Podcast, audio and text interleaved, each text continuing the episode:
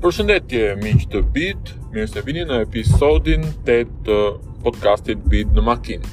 Siç mund ta shihni nga titulli, sot do të flas për një mundësi për t'u përfshirë në biznes me një investim minimal afër zeros në një sektor që edhe në Shqipëri apo edhe në Kosovë është ende në zhvillim, nuk mund të jemi ekspert për të përcaktuar edhe për sa kohë, po por për momentin është një sektor mjaft interesant. Dhe ajo që po flas është real estate apo tregu i pronave të paluajtshme.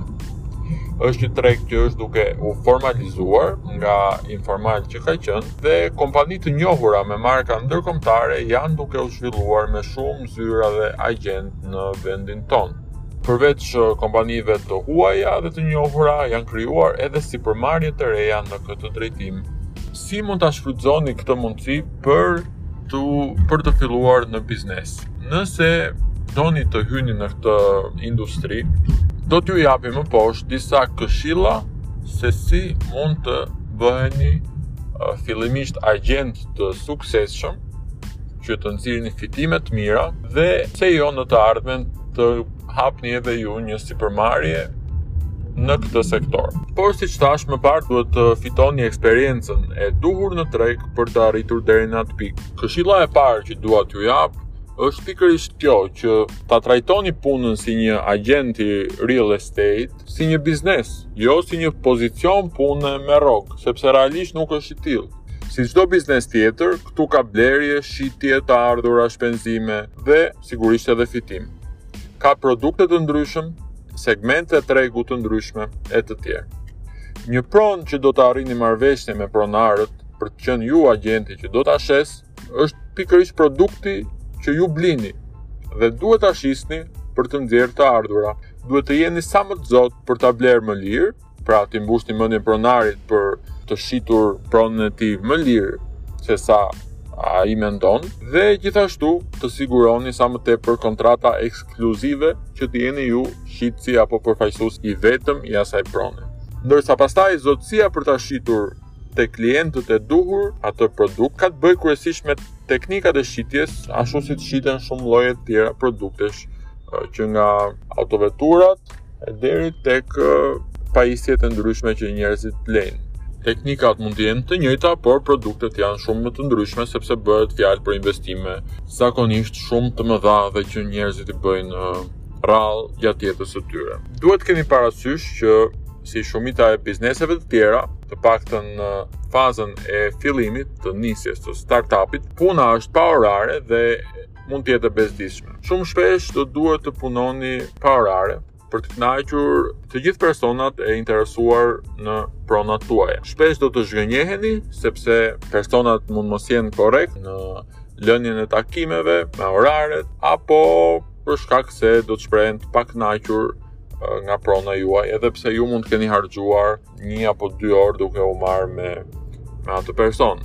Prandaj durimi është shumë i rëndësishëm dhe nuk duhet të hiqni dorë nga lënia e takimeve të rregullta dhe sa më të shpeshta me të interesuarit, edhe sipas preferencës së tyre të orareve. Dhe si çdo biznes tjetër, edhe te ky biznes është shumë i rëndësishëm që ju të bëni një ndarje të qartë të të ardhurave dhe shpenzimeve të biznesit me ato personale. Përqindja që ju merrni për çdo shitje apo qera prone janë të ardhurat e biznesit tuaj. Paratë që shpenzoni gjatë ditës, si telefoni, karburanti i makinës, kafe, dreka që konsumoni gjatë punës, janë shpenzimet e biznesit tuaja, këto nuk janë personale. Nëse si çdo biznes, të ardhurat në fund të muajit janë më të larta se shpenzimet, pra përqindjet që keni marrë nga shitjet janë më të larta se këto kostot gjatë të muajit, atëherë keni një fitim. Gabimi ama është që shumica e agjentëve i neglizhojnë të llogarisin shpenzimet dhe nuk mbajnë një pasqyrë të rregullt të të ardhurave dhe shpenzimeve të këtij biznesi. Nëse doni të jeni në këtë treg për një kohë të gjatë dhe seriozisht, duhet të filloni të veproni në këtë mënyrë që në fillimin e punës. Paratë tuaja janë tuajat, paratë e biznesit janë të biznesit. Sigurisht që ju do të duhet që të tërhiqni pjesë të fitimeve për të jetuar, por këtë gjë duhet ta bëni në mënyrë të matshme dhe është më mirë që nga përqindja e fitimeve që nxirrni të përcaktoni një pagë fikse për veten tuaj dhe pjesën e tepërt që del nga fitimet e biznesit, të mos i prekni dhe t'i ruani për t'i riinvestuar. Një pikë tjetër e rëndësishme që dua të ndalem është që në këtë biznes është shumë e rëndësishme marrja e këshillave dhe fitimi i eksperiencës. Është një biznes i vështirë dhe një person me themi 5 vite eksperiencë, jo domosdoshmërisht ka tërësisht përvojën e duhur për të qenë i shkëlqyer në këtë fushë. Për këtë arsye, mendojmë se është më e mira për ju që edhe nëse planifikoni të krijoni një kompani tuajën në real estate, fillimisht të fitoni eksperiencë si agjent pranë një kompanie të stabilizuar në treg.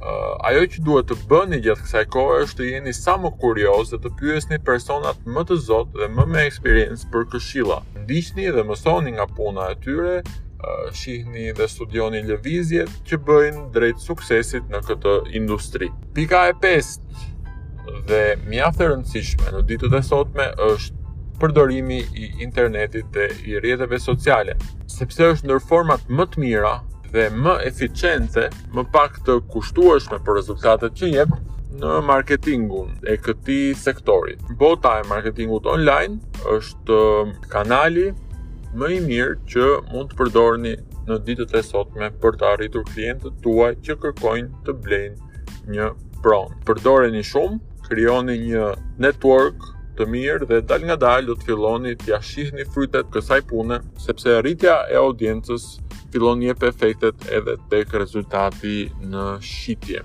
Nëse nuk keni eksperiencë me shitjet, mundet që fillimisht ta keni të vështirë. Komunikimi me klientët potencialë është një pikë kyçe në suksesin e biznesit në real estate. Shumica e klientëve potencialë do t'ju zhgënjejnë dhe nuk do të bëjnë një kontratë me ju. Shumica mund të jetë deri në 90% kjo pjesë e njerëzve që nuk do të dalë me rezultat pozitiv. Por me kalimin e kohës do të kuptoni që ka një matematikë të suksesit. Do të mësoni që ka një lidhje midis sasisë së punës që ju bëni dhe numrit të shitjeve. Me përvojë do të kuptoni se nëse supozojmë se kontaktoni 1000 pronarë pasurish të paluajtshme, do të arrini të bëni kontrata me 200 apo 300 prej tyre, ose nga këto 1000 kontakte, me 30 do të arrini ekskluzivitet në shitje. Dhe në këtë mënyrë janë disa raporte të cilat pasi t'i analizoni do të kuptoni se sa është përqindja e suksesit. Gjithashtu edhe me shitjet, nëse do të takoni 50 të interesuar në ditë, ndoshta janë shumë, po le të supozojmë 50. Nga këto 50 do shikoni se një apo dy të interesuar do të mbyllin kontratën me ju. Nëse është dy klientë, atëherë dalim në konkluzionin që 4% të takimeve është norma juaj e suksesit.